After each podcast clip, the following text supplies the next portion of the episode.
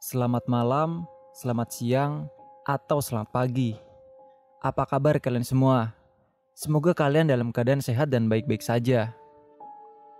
Bertemu lagi bersama mahasiswa siluman yang kali ini akan menceritakan pengalaman horor mendaki gunung yang dikirimkan oleh salah satu subscriber bernama Keiza Putra yang ceritanya mengisahkan kisah mendaki pamannya bernama Andri saat mendaki ke Gunung Gede Pangrango melalui jalur Salabintana, Sukabumi pada tahun 1985. Di mana salah satu sahabatnya harus mengalami hal di luar nalar dan jiwanya tidak pernah kembali karena memetik salah satu bunga yang berada di pos kandang badak. Jadi seperti apa kisah lengkapnya? Langsung saja. Dan jangan lupa like, share, dan subscribe-nya Aktifkan juga tombol notifikasinya agar tidak ketinggalan video-video terbaru dari kami. Pasang earphone-mu, siapkan tempat dan posisi yang nyaman. Selamat mendengarkan. Agustus 1985 Berawal dari sekelompok pemuda-pemudi di kampung kami yang mempunyai ide untuk merayakan hari kemerdekaan 17 Agustus di lapangan Surya Kencana, Gede Pangrango. Dulu, di kampung kami, mempunyai grup pecinta alam yang diberi nama Nirwana yang beranggotakan 30 orang. Dan pada tanggal 15 Agustus 1985 diputuskanlah mereka akan memulai pendakian tersebut. Sampai tiba di hari H, peserta yang mengikuti pendakian tersebut hanya 12 orang saja. Dikarenakan peserta atau pemuda di kampung kami sebagian sibuk dengan pekerjaannya dan sebagian lagi ada alasan lain sehingga tidak bisa mengikuti acara tersebut. Singkat cerita, pada tanggal 15 berangkatlah ke 12 orang anggota tersebut, termasuk paman saya. Sekitar pukul 6 pagi, kelompok paman sudah berkumpul di salah satu pos kamling yang berada di kampung kami. Karena pemerintah setempat atau pengelola kawasan konservasi melarang pendakian di malam hari, maka paman dan kelompoknya memutuskan untuk mendaki di pagi hari. Selain karena faktor keamanan, mendaki di pagi hari bisa lebih menikmati pemandangan alam di jalur via Salabintana. Sekitar pukul 7, berangkatlah rombongan paman menuju basecamp Pondok Halimun yang berada di kawasan konservasi Salabintana. Karena jarak dari kampung kami menuju basecamp Pondok Halimun sangat dekat, Kira-kira setengah jam kemudian, rombongan paman pun sampai di pintu masuk sekitar pukul 7.30. Setelah melakukan pendaftaran atau simaksi, setelah mengecek dan mencocokkan nama, sebelum diizinkan berangkat melakukan pendakian gunung, mereka mendapatkan penyampaian informasi keselamatan atau safety talk. Di antaranya, informasi kondisi sepanjang rute, jarak tempuh, lokasi persediaan air, lokasi camp sementara, hingga peraturan selama di kawasan konservasi, dan diingatkan untuk kembali membawa sampah. Maklum, kata paman mereka baru pertama kali mencoba untuk mendaki Gunung Gede Pangrango, melewati jalur Salabintana. Biasanya mereka menggunakan jalur Cibodas atau jalur Putri untuk naik ke Gunung Gede Pangrango. Sehingga informasi-informasi dari pihak pengelola atau dari para ranger sangatlah penting. Dan setelah menyampaikan informasi, akhirnya pihak konservasi mengizinkan kelompok paman untuk memulai pendakian. Tapi sebelum mereka memulai pendakian, mereka pun membentuk lingkaran untuk berdoa bersama-sama agar selalu diberikan kelancaran dan keselamatan selama mendaki maupun nanti turun. Dan setelah semuanya selesai, sekitar pukul 8, dimulailah pendakian tersebut awal perjalanan mereka menikmati pemandangan yang disuguhkan. Tampak di sisi kanan terlihat hamparan luas kebun teh yang begitu hijau. Tak lama mereka pun sampai di jembatan kecil jalur. Ada di sebelah kiri dengan petunjuk Surya Kencana dan jalur berbatu lurus adalah jalur menuju Curug Ciberem. Mereka mulai memasuki jalur trek ke arah kiri dengan menyusuri punggungan bukit dengan jalur tipis kiri kanan jurang dengan trek yang terus menanjak. Benar-benar sambutan yang tak mengecewakan, gumam pamanku. Paman dan kelompoknya terus berjalan dengan sesekali terhalang oleh ranting dan pohon yang tumbang dengan dedaunan yang tampak rapat di sisi dan kanan jalur. Mungkin juga karena jalur ini jarang dilewati oleh para pendaki, sehingga jalur yang dilalui kelompok paman tampak gembur, penuh dengan humus dari tumpukan daun gugur. Ketika paman dan teman-temannya fokus berjalan, tiba-tiba dari arah belakang terdengar teriakan dari salah satu teman paman, yaitu Hilman. Ah, tolong, tolong! Mendengar teriakan Hilman dari arah belakang, sontak semuanya terkejut dan mencoba menghampiri Hilman. Ada apa hei? Kamu kenapa man? Ucap Pangga. Tolong, di pundakku udah pacet.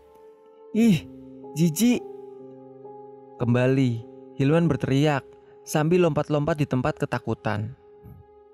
Melihat kejadian tersebut, paman beserta yang lainnya malah menertawakan Hilman karena melihat tingkah Hilman yang seperti anak kecil. Apalagi melihat badan Hilman yang besar lompat-lompat sambil mengibas-ngibaskan tangannya agar pacet di pundaknya bisa lepas. Badan aja gede lu, tapi sama pacet sampai ketakutan gitu. Ucap Pujang sambil terus menertawakan Hilman. Udah sih, cepetan tolongin apa? Gue geli nih sumpah, jawab Hilman. Ah lu mah, geli apa takut lu?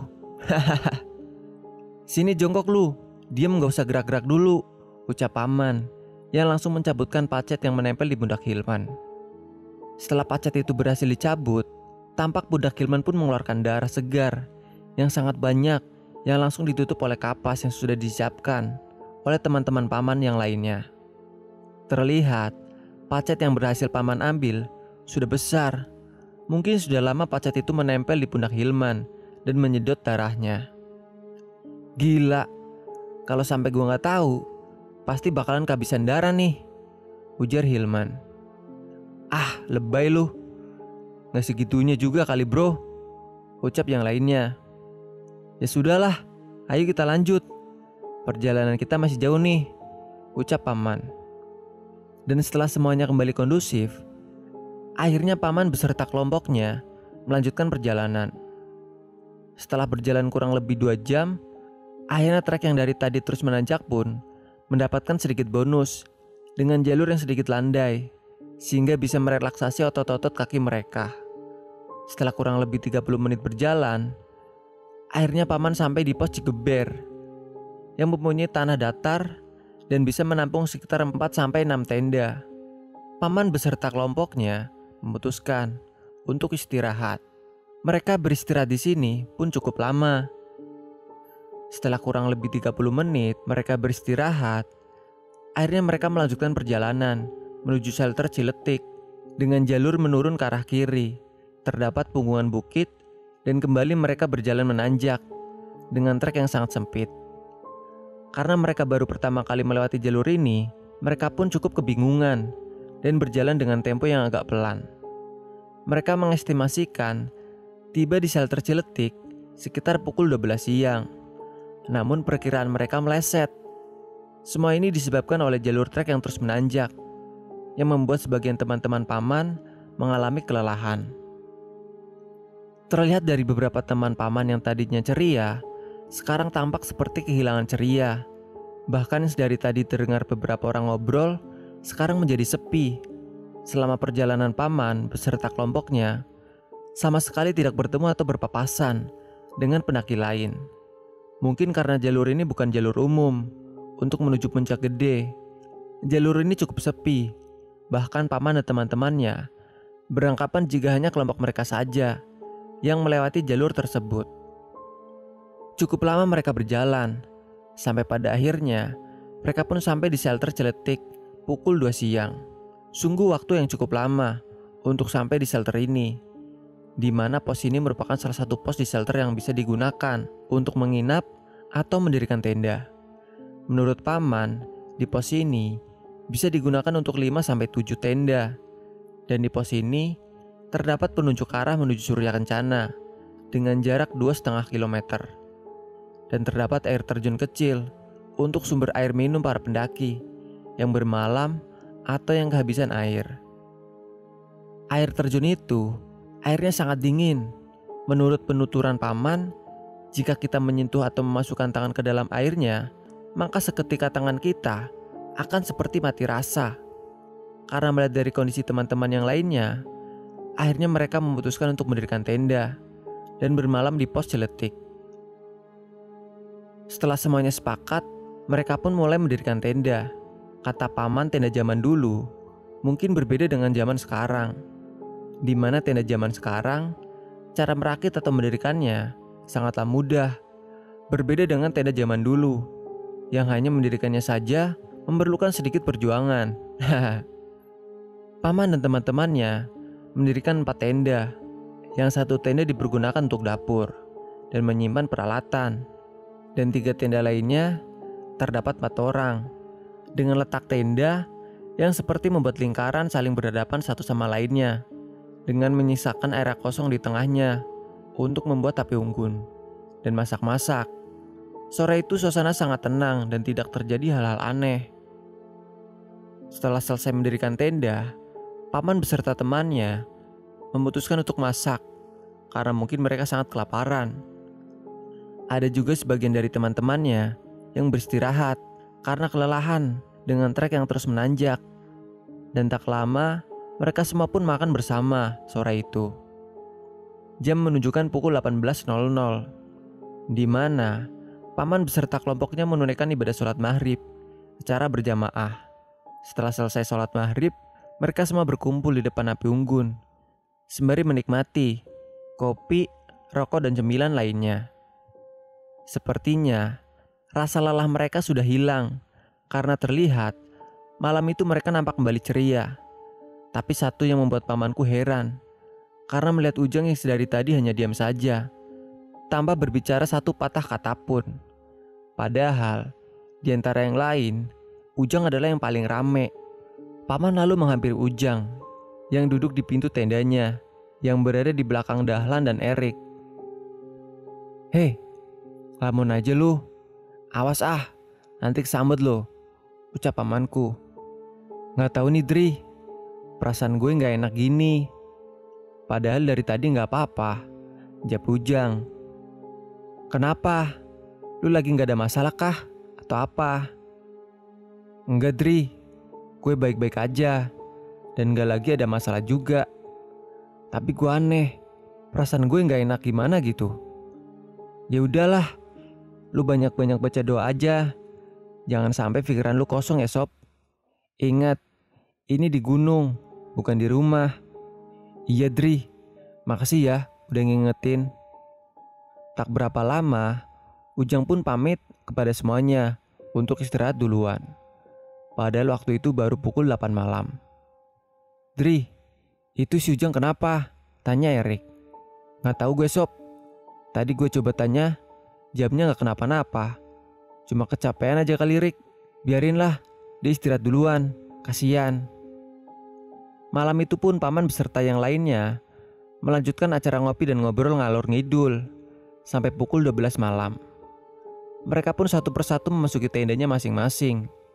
Saat itu, paman yang kebetulan satu tenda dengan Ujang dibuat kaget karena pada saat paman baru saja akan memejamkan mata, Tiba-tiba dari arah luar tenda, paman mendengar seperti suara perempuan sedang menangis. Awalnya suara itu terdengar agak jauh, tapi lama-lama suara itu terdengar sangat jelas. Dan suara tangisan itu terdengar persis seperti ada di sebelah tenda. Saat itu paman sangat ketakutan. Namun paman tidak bisa berbuat apa-apa. Karena untuk berbicara saja serasa berat. Paman mencoba membangunkan Dahlan yang berada di sebelahnya pun tidak bisa karena tubuh serasa kaku untuk digerakkan. Paman mencoba berdoa sebisa mungkin di dalam hati, namun suara tangisan itu tak juga menghilang. Paman semakin dibuat ketakutan ketika melihat ke atas seperti ada sepasang tangan yang menyentuh atap tenda, bahkan tak cukup sampai di situ. Seketika pamanku dibuat langsung tak sadarkan diri ketika resleting pintu tenda terbuka dan tiba-tiba sosok kuntilanak itu menampakkan wajahnya yang sangat menyeramkan. Pagi harinya, setelah sadar, paman sudah dikelilingi oleh teman-temannya. Mereka merasa aneh karena paman tidur di dekat api unggun. Salah satu dari mereka pun bertanya, "Apa yang sudah terjadi?" Tapi paman menjawab tidak apa-apa. Paman tidak mau menceritakan kejadian semalam dengan alasan tidak ingin yang lain merasa ketakutan. Dan paman pun merasa heran. Padahal seingatnya, paman pingsan di dalam tenda. Tapi kenapa sekarang ada di luar? Tanpa banyak bicara, paman pun langsung mengajak semuanya beres-beres untuk kembali melanjutkan perjalanan. Singkatnya, setelah semuanya selesai beres-beres dan sarapan, mereka pun melanjutkan perjalanan sekitar pukul 9 pagi. Menurut informasi, dari pihak konservasi, dari pos Ciletik menuju alun-alun Surya Kencana akan dapat ditempuh dengan waktu 2 jam perjalanan dengan medan yang menanjak. Namun tanjakannya tak sebegitu jauh, hanya sekitar 100 meter saja. Oke lah, dengan jarak dan medan 100 meter, tampaknya perjalanan akan terasa lebih mudah, gumam pamanku saat itu. Mereka pun melanjutkan perjalanan dan melewati aliran air terjun dan jalur pun mulai menanjak sedikit agak hebat. Ah, nanjak cuma 100 meter gini mah, setengah jam juga paling di atas sudah landai, ujar Erik dengan nada yang agak sedikit sombong. Hus, dijaga omongannya, jangan sompral. Ingat, ini di gunung, ucap Dahlan, mengingatkan Erik. Sudah-sudah, ayo cepat kita lanjut, ucap Paman, sambil berjalan yang langsung diikuti oleh semuanya. Mereka memulai menyusuri tanjakan tersebut, namun harapan tak sesuai kenyataan. Setengah jam berlalu, satu jam berlalu, namun tanjakan malah semakin menjadi-jadi tanpa ampun. Bahkan mereka sempat berujar, jika trek Salam Bintana ini adalah jalur terberat selama mendaki ke Gede Pangrango. Trek menanjak dengan kemiringan antara 45 sampai 60 derajat. Bahkan terkadang jalur berubah seperti parit sempit yang menanjak. Dua jam pun berlalu. Di sini semuanya sudah terlihat sangat tersiksa. Bahkan salah satu dari mereka berujar dengan nada yang sedikit emosi. Gila, dasar PHP. Kata pihak konservasi, katanya cuma 100 meter. Lah ini 1000 meter kali. Mana jalurnya nanjak terus, nggak ada bonus-bonusnya. Ujar Fikri yang dari tadi diam, tapi sekarang terlihat mulai emosi. Iya nih, parah banget. Tahu gini pakai jalur Cibodas saja. Ucap Sandi. Saat itu, Paman pun merasa sedikit emosi karena baru pertama kali muncak ke Gede Pangrango dengan trek seberat ini. Bahkan untuk sekedar bernafas panjang pun sulit. Waktu semakin berlalu. Saat itu jam sudah menunjukkan pukul 2 siang. Paman dan yang lainnya sudah mulai kehilangan energi seiring dengan perut mereka yang sudah merasa kelaparan. Tak lama, mereka sampai di jalur berbatu yang sangat licin dan sedikit becek. Hanya terdapat tali yang membantu mereka untuk tetap naik. Dengan sisa-sisa tenaga, mereka terus menyusuri jalur berbatu. Dan tak lama, nampak tanjakan sedikit lebih berkurang, namun masih tetap di area hutan. 30 menit berlalu, Sampailah mereka di Gunung Gemuruh, dan menurut informasi, mereka harus mengambil ke kiri. Mereka pun dibuat cukup senang karena trek atau jalur ini menurun, dan dengan sedikit bahagia, mereka pun bersemangat untuk menuruni jalur tersebut. Tak lama, tepat pukul 17.30, akhirnya mereka pun sampai juga di alun-alun Surya Kencana. Sejenak, rasa lelah, peluh, marah, hingga kecewa pun seketika hilang saat alam menunjukkan keindahan senjanya di sore itu. Singkat cerita, karena hari itu banyak sekali pendaki, mereka mulai mencari tempat untuk mendirikan tenda. Dan setelah menemukan tempat yang cukup luas, seperti biasa, mereka mendirikan empat tenda. Tiga tenda dipergunakan untuk masing-masing empat orang, dan satu tenda lainnya mereka fungsikan sebagai dapur atau tempat logistik dan lainnya. Setelah selesai mendirikan tenda, Seperti biasa, paman beserta teman-temannya tidak lupa menunaikan ibadah sholat maghrib. Sambil menunggu giliran sholat, sebagian dari mereka berinisiatif untuk memasak. Jam menunjukkan pukul 7 malam. Mereka akhirnya makan malam bersama. Di malam itu, paman dan yang lainnya tidak mengalami hal-hal aneh apa pun. Malam itu mereka menikmati suasana indahnya malam di alun-alun Surya Kencana sambil berbincang-bincang dengan ditemani hangatnya kopi. Tak lama, sekitar pukul 8 malam, mereka pun memutuskan untuk istirahat, tidur, karena paginya paman beserta kelompoknya akan melakukan summit attack ke puncak gede. Singkatnya, pukul 2 pagi, mereka semua bangun, bersiap-siap, dan langsung membereskan tenda. Mereka kali ini memutuskan akan turun via Cibodas dan tak lagi melalui jalur Salabintana. Setelah selesai, Paman dan kelompoknya langsung berangkat menuju puncak. Selama perjalanan summit attack sampai ke puncak, mereka tidak mengalami hal aneh apa pun. Hanya saja, tiga orang dari kelompok Paman mengalami kram. Tapi tak lama mereka kembali melanjutkan perjalanan tersebut. Sekitar pukul 5 pagi, akhirnya mereka pun sampai di puncak gede Sejenak mereka semua sama-sama menikmati keindahan ciptaan Tuhan. Saat itu, di atas puncak, banyak sekali pendaki yang sama-sama ingin merayakan hari kemerdekaan di atas puncak. Niat mereka tadinya ingin merayakannya di alun-alun Surya Kencana. Tapi setelah melihat para pendaki lainnya merayakan di atas puncak, akhirnya mereka pun bergabung dengan pendaki lain. Yang di mana saat itu mereka harus berbaris dan bersama-sama menyanyikan Indonesia Raya saat salah seorang dari kelompok lain mulai mengibarkan bendera merah putih. Setelah selesai mengikuti upacara bendera, paman beserta yang lainnya menikmati suasana puncak dengan mulai mengeluarkan kamera yang menurut paman kameranya tersebut yang paling hits pada masa itu dan langsung foto-foto mengabadikan kebersamaan dan keberhasilan mereka menuju puncak gede melewati jalur Salabintana. Dan setelah selesai semuanya, Akhirnya pukul 10 pagi, mereka memutuskan untuk turun dan melewati jalur Cibodas. Selama mereka turun, tidak ada gangguan apa pun yang mereka rasakan sampai mereka tiba di kandang badak dan memutuskan untuk istirahat sejenak. Ujang yang sedari tadi kebelet kencing langsung mencari semak-semak. Namun tak lama, Ujang berlari menghampiri teman-temannya. Woi woi, sini ikut gue, ucap Ujang sambil ngos-ngosan.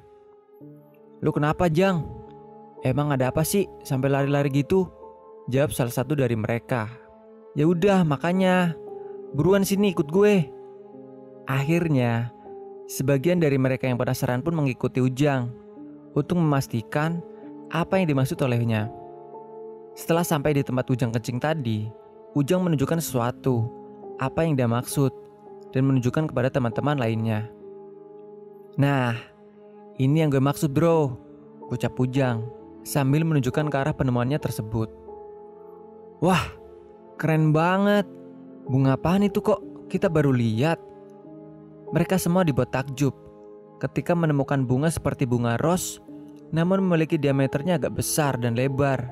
Dan yang bikin mereka lebih takjub lagi, di mana bunga itu mempunyai warna merah marun di bagian atasnya, sedangkan di bagian bawahnya Bunga itu berwarna hitam pekat. Saat itu Ujang tetap bersikeras untuk memetik dan membawa pulang bunga tersebut. Tapi teman yang lainnya mengingatkan dan melarang Ujang untuk memetik dan membawa bunga tersebut. Namun tanpa sepengetahuan paman dan teman yang lainnya, Ujang memetik dan memasukkan bunga tersebut dalam keril miliknya. Dan dari sinilah awal mula petaka itu terjadi. Selama perjalanan turun, mereka tidak mengalami hal aneh atau gangguan apa pun. Singkat cerita, mereka pun sampai di rumah masing-masing dengan selamat. Tiga hari berlalu, salah satu sahabat paman, yaitu Ujang, mengalami hal aneh di mana Ujang sering kali mengalami kesurupan. Terkadang, Ujang sering mengamuk tidak jelas. Awalnya semua merasa heran, karena selama ini Ujang tidak pernah mengalami hal tersebut. Tapi setelah pihak keluarga berkonsultasi dengan orang pintar atau ustadz di kampung kami, barulah semuanya terungkap. Menurut keterangan dari Pak Ustadz, ada satu sosok wanita yang marah kepada Ujang, di mana sosok itu meminta Ujang untuk mengembalikan bunga yang telah Ujang petik di salah satu pos yang berada di Gunung Gede. Yang ternyata bunga itu adalah bunga kesayangan dari sosok wanita penghuni pos kandang badak. Mendengar hal tersebut, sontak paman dan semuanya yang berada di tempat itu pun terkejut karena tanpa sepengetahuan paman dan yang lainnya, ternyata Ujang sudah memetik dan membawa bunga tersebut. Padahal teman-teman yang lainnya sudah melarang dan mengingatkan jangan pernah mengambil sesuatu apa pun di gunung selain sampah dan gambar. Karena semuanya penasaran, mereka pun mencari bunga yang telah diambil oleh Ujang. Mereka mencari ke setiap sudut ruangan rumah Ujang. Dari mulai kamar, dapur, luar rumah, dan halaman belakang. Tetapi nihil, bunga yang telah Ujang ambil entah disimpan di mana. Ketika semuanya kebingungan, karena mencari bunga yang dimaksud, tiba-tiba sosok wanita yang merasuki Ujang mengamuk sambil berbicara. Sebenarnya di sini memakai bahasa Sunda, tapi lebih biar enak dipahami, kita translate menggunakan bahasa Indonesia. Kalau sampai bunga tersebut tidak ada atau tidak dikembalikan ke tempat semula, jangan salahkan saya. Jika anak ini akan saya jadikan suami di alamku. Ucap sosok wanita yang merasuki Ujang sambil tertawa khas seperti kuntilanak. Semenjak kejadian malam itu, semua cara dilakukan untuk mengusir makhluk yang berada di tubuh Ujang. Namun semuanya sia-sia. Hari demi hari, kondisi Ujang semakin mengkhawatirkan. Sudah seperti orang gila atau linglung. Pihak keluarga sudah merasa bosan dan putus asa untuk mengobati Ujang. Karena setiap orang pintar, bahkan dukun yang dikunjungi, jawabannya mereka tetap sama. Sosok wanita itu tidak akan melepaskan jiwa Ujang jika bunga itu tidak dikembalikan oleh Ujang. Karena alasan tersebut, akhirnya Ujang dibiarkan begitu saja. Terkadang, Ujang sering tiba-tiba mengamuk, dan tak jarang, Ujang terlihat bicara sendiri, seperti sedang berbicara dengan seseorang, tapi entah dengan siapa. Hanya saja, ketika Ujang berbicara, Ujang sering mengucapkan kalau dia ingin pulang dan memohon ampun. Kejadian itu berlangsung sampai Ujang berumur 34 tahun. Oh iya, pertama kali Ujang mengalami kejadian tersebut, saat itu Ujang, Paman dan teman-teman yang lainnya berusia 21 tahun. Yang di mana penyakit yang diderita Ujang didiamkan selama 13 tahun lamanya. Menurut Paman, Ujang sempat sembuh saat usianya menginjakan ke 35 tahun. Saat itu, Keluarga, teman, dan para tetangga pun merasa senang. Tapi, setiap siapa saja yang bertanya tentang bunga dan apa yang dialami Ujang selama 13 tahun, Ujang selalu menjawab tidak tahu. Singkat cerita, Ujang pun berangsur membaik dan sudah dipastikan Ujang kini sudah normal kembali. Yang di mana Ujang kembali menjalani aktivitasnya sehari-hari, di mana Ujang bisa nongkrong dan berkumpul kembali dengan pemuda yang lainnya. Sampai di suatu hari, Ujang hanya diam merasa bosan dan ingin bekerja. Karena Ujang saat itu tidak memiliki jasa maupun keahlian, akhirnya Ujang memutuskan untuk menjadi tukang ojek di kampung kami. Karena mungkin orang tuanya merasa kasihan, ditambah Ujang sudah normal kembali, akhirnya Ujang pun dibelikan sepeda motor dan mulai menjadi tukang ojek.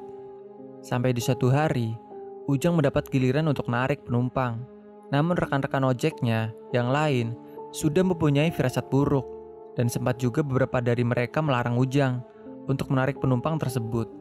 Dikarenakan penumpang yang akan dibawa oleh Ujang adalah seorang ibu hamil. Tapi setelah diingatkan, Ujang seperti tidak terima. Dan dikarenakan saat itu giliran jatah Ujang untuk narik, akhirnya rekan-rekan ojeknya yang lain tidak bisa berbuat apa-apa, hanya bisa mengingatkannya saja untuk Ujang berhati-hati membawa penumpang tersebut. Dan tak lama, akhirnya Ujang pun berlalu untuk mengantarkan penumpang tersebut. Saat itu, entah apa yang sedang dipikirkan oleh Ujang. Menurut saksi yang berada di tempat kejadian, Ujang membawa motor terlihat melamun dengan tatapan kosong dan sampailah di satu belokan yang berada tepat di depan kantor kelurahan setempat. Dari arah berlawanan, ada mobil truk pengangkut minyak tanah memberikan beberapa kali klakson. Namun Ujang tidak mendengarnya. Sampai tepat di belokan, Ujang yang terkejut karena tepat di depan matanya ada sebuah truk mencoba untuk menghindari truk tersebut. Tapi karena Ujang mengemudikan motornya terlalu kencang, akhirnya dia kaget dan mencoba membanting stangnya ke arah kiri. Namun Ujang terlambat. Stang motor yang dikemudikan Ujang mengenai sisi kiri dari truk tersebut, yang otomatis seketika Ujang beserta penumpangnya itu pun terjatuh. Ujang terpental ke arah depan kantor kelurahan. Sedangkan penumpang ibu hamil yang dibawa oleh Ujang mengalami hal yang naas. Ibu hamil tersebut terjatuh ke dalam parit atau selokan kecil yang cukup dalam yang berada tepat di sisi jalan. Sontak warga yang saat itu berada di tempat kejadian langsung berlari untuk melihat dan menyelamatkan wanita hamil tersebut. Saat warga mengangkat wanita hamil tersebut, langsung dibuat kaget dan bergidik ngeri, di mana kepala dari wanita tersebut terbelah dari atas kepala sampai ke hidung. Seketika terdengar teriakan, Allahu Akbar dan Innalillahi dari beberapa warga yang melihatnya. Dan yang paling membuat warga terkejut, terlihat wanita itu mengalami pendarahan hebat di bagian bawah. Sementara Ujang hanya mengalami lecet-lecet dan berdarah di bagian kaki saja. Namun Ujang kembali tiba-tiba ngamuk tidak jelas yang langsung diamankan oleh para warga yang langsung membawanya pulang. Sementara para warga yang lainnya mencari bantuan untuk segera membawa wanita hamil itu ke rumah sakit. Tak lama pihak dari kepolisian pun tiba di TKP dan mulai meminta keterangan dari sejumlah saksi, termasuk supir truk itu. Setelah mencari keterangan dari beberapa saksi dan dari supir truk, akhirnya polisi, warga dan sopir truk tersebut menuju ke rumah Ujang. Sesampainya di sana, Ujang masih terlihat mengamuk dan sesekali meracau tidak jelas. Sampai pihak keluarga kembali memanggil Pak Ustadz. Dan ketika Pak Ustadz baru saja sampai di rumah Ujang, Semuanya dibuat terkejut ketika tiba-tiba sosok wanita yang dulu merasuki Ujang kembali datang dan berlata sambil tertawa.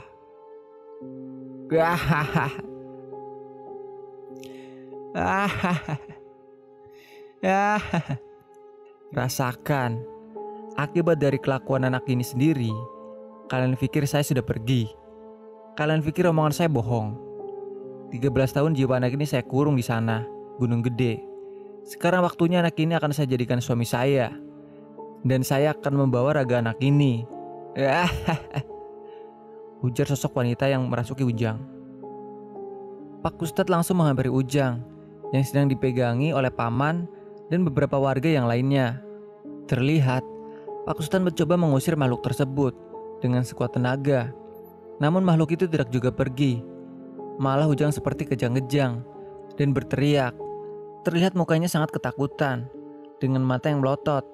Tak lama, Ujang mengembuskan nafas terakhirnya di depan semua orang. Seketika, orang tua Ujang memeluk Ujang, seakan tak percaya kalau anaknya harus meninggal dengan cara seperti itu.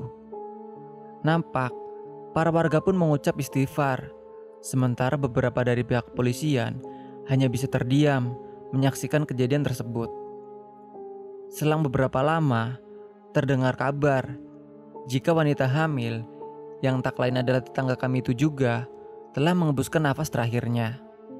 Tapi membuat sedih, anak yang masih berada di kandungannya tersebut tidak dapat diselamatkan alias meninggal dunia. Singkat cerita, proses pemakaman Ujang dan wanita hamil tersebut telah selesai dilaksanakan. Tapi beberapa hari setelah kejadian tersebut, pihak dari keluarga wanita itu tidak terima dengan kematian keluarganya tersebut, di mana menurut mereka kematian wanita itu dikarenakan oleh Ujang. Sempat terjadi perdebatan di antara kedua belah pihak, tapi yang mereka ributkan seakan percuma dan sia-sia. Karena yang pihak keluarga wanita tuntut pun Ujang juga telah meninggal. Dan setelah disepakati dengan cara kekeluargaan, akhirnya kasus itu pun resmi ditutup. Dan kedua belah pihak tidak akan lagi menuntut kasus itu di kemudian hari. Cerita ini selesai. Terima kasih. Jika kalian punya cerita seram atau mistis yang ingin kalian bagi, kalian bisa kirim cerita kalian melalui DM Instagram atau kirim melalui email yang tertera di bawah. Semoga video ini menghibur dan bermanfaat. Sampai jumpa di video kami selanjutnya. Salam lestari, mahasiswa, siluman.